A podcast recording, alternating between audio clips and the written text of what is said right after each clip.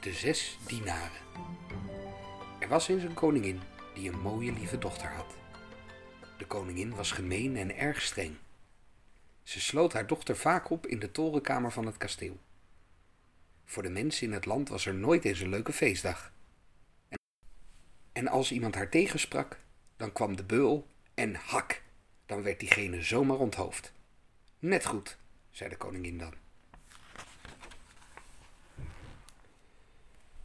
Omdat de prinses zo mooi was, kwamen er regelmatig prinsen naar het kasteel. Maar de koningin dacht: ik geef haar niet zomaar mee aan de eerste de beste prins. Ze voorzon steeds de meest onmogelijke opdrachten, die zo'n jongen dan natuurlijk nooit kon volbrengen. En dan ging het weer hak, kop eraf. Zo moest een van de prinsen een keer het hele volkslied achterstevoren zingen. En net als vele anderen voor hem overleefde hij het niet. Op een mooie zomerdag kwam er een hele dappere prins naar het koninkrijk. Ook hij had gehoord van de knappe prinses en haar gemene moeder. Hij dacht: het wordt tijd dat iemand dat vervelende mens een lesje leert. Onderweg kwam de prins een man tegen met erg grote oren. Eén oor hield hij plat op het gras. Wat doe jij daar? vroeg de prins. Ik luister naar wat er zo al gebeurt in de wereld, zei de man. Ik heb zulke goede oren, ik kan zelfs het gras horen groeien. Wil jij misschien mijn dienaar zijn? vroeg de prins. Iemand die zo goed kan horen, kan ik wel gebruiken. Heel graag, zei de man. Trouwens, mijn naam is Puttoor.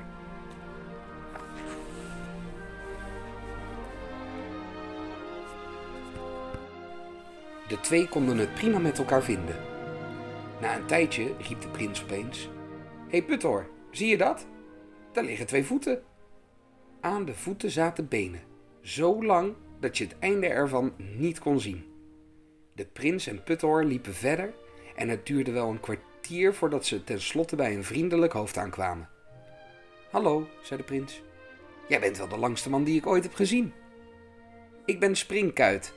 Ik rust even uit, zei de man. Ik heb net even een rondje om de wereld gerend, vandaar. De prins keek hem ongelovig aan. Ja, voor mij is dat een makkie, omdat ik van die lange benen heb. Fantastisch, zei de prins. Ga je met ons mee? Heel graag, zei Springkuit. En hij stond op. Verderop zagen ze een reusachtig dikke man. Hij lag op zijn rug in het veld. Zijn buik kwam nog hoger dan de hooiberg waar hij naast lag. Wat heb jij een bolle buik, zei de prins. Hoe heet je? Ze noemen mij Heuvelbuik. Ik heb altijd honger en dorst. En het gekke is, hoe meer ik heet, hoe meer honger ik krijg. Zo'n geweldige smulpaap kan misschien nog van pas komen, zei de prins. Wil je mij dienen? Heel graag, zei Heuvelbuik. En met z'n vieren trokken ze verder. Ho, halt, riep de prins opeens. Er zat een man aan de kant van de weg die een doek voor zijn ogen had gebonden. Ben jij blind? vroeg de prins. Juist niet, antwoordde de man. Als ik die doek afdoe en ik kijk naar niets, dan springt het meteen uit elkaar. Zo scherp zijn mijn ogen. Ze noemen me daarom kogeloog. Dat wil ik zien, riep de prins nieuwsgierig. Nou, let op. Kogeloog trok de doek een klein stukje omhoog. Hij keek naar een oude boomstronk die een eindje verderop stond en bam! De stronk sprong uit elkaar in wel duizend open haardhoutjes. Ongelooflijk wat een dode blik, zei de prins. Ga je met ons mee? Heel graag, antwoordde Kogeloog. De prins genoot van de tocht. Hij was vastbesloten de prinses te redden.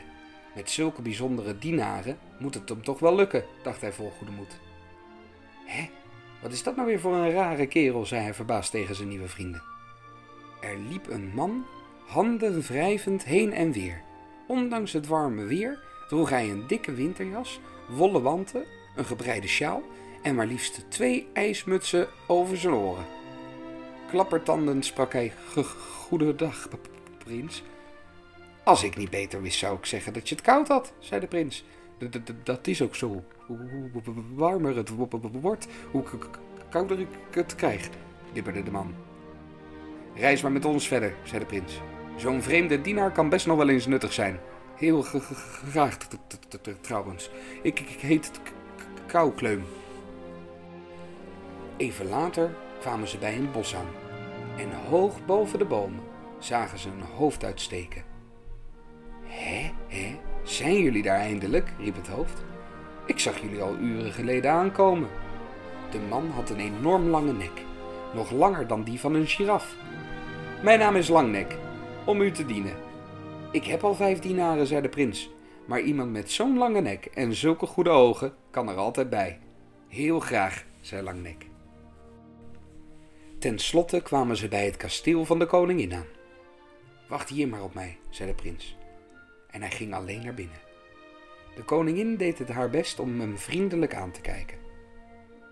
Wil je met mijn dochter trouwen? Natuurlijk mag dat, zei ze op haar liefste toon.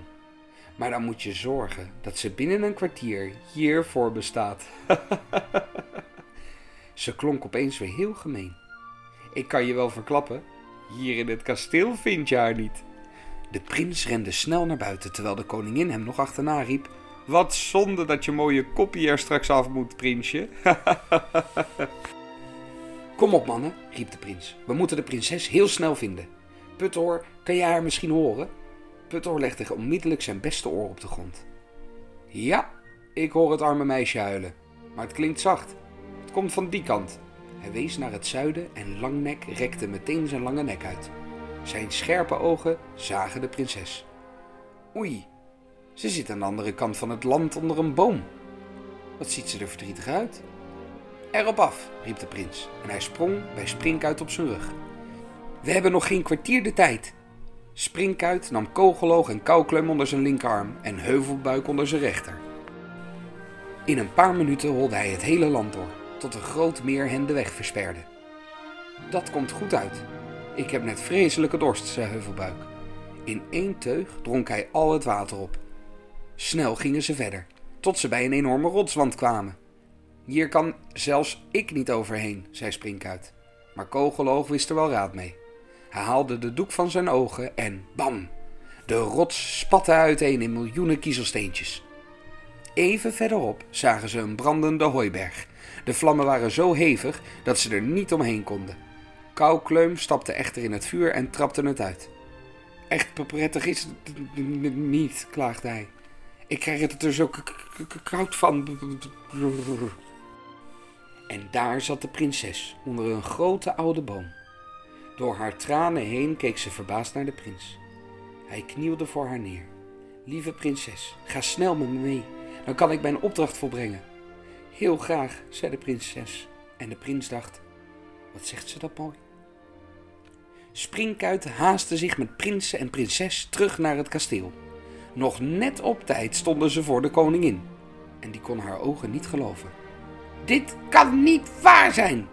Kwaad dat ze was, zo kwaad dat ze van woede ter plekke in rook opging. Net goed, zei de prinses. En de prins dacht: wat zegt ze dat toch prachtig? Eindelijk braken er betere tijden aan voor de mensen in het land. Nu de gemene koningin er niet meer was, waren de prins en de prinses de baas. Er mocht ook eindelijk weer eens plezier gemaakt worden. Het eerste feest dat gevierd werd, was de koninklijke bruiloft. Alle landgenoten waren uitgenodigd en de zes dienaren waren natuurlijk de eregasten. Er werd gedanst en gezongen en iedereen at zijn buikje rond. Zelfs Heuvelbuik. En ze leefden nog lang en gelukkig.